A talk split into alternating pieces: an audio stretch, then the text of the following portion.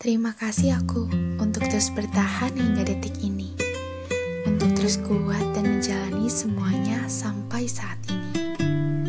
Terima kasih aku untuk mau bersabar dalam menghadapi setiap pujiannya, setiap cobaannya dan setiap rintangannya.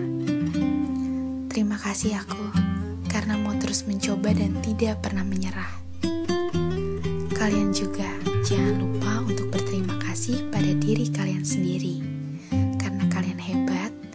kalian kuat.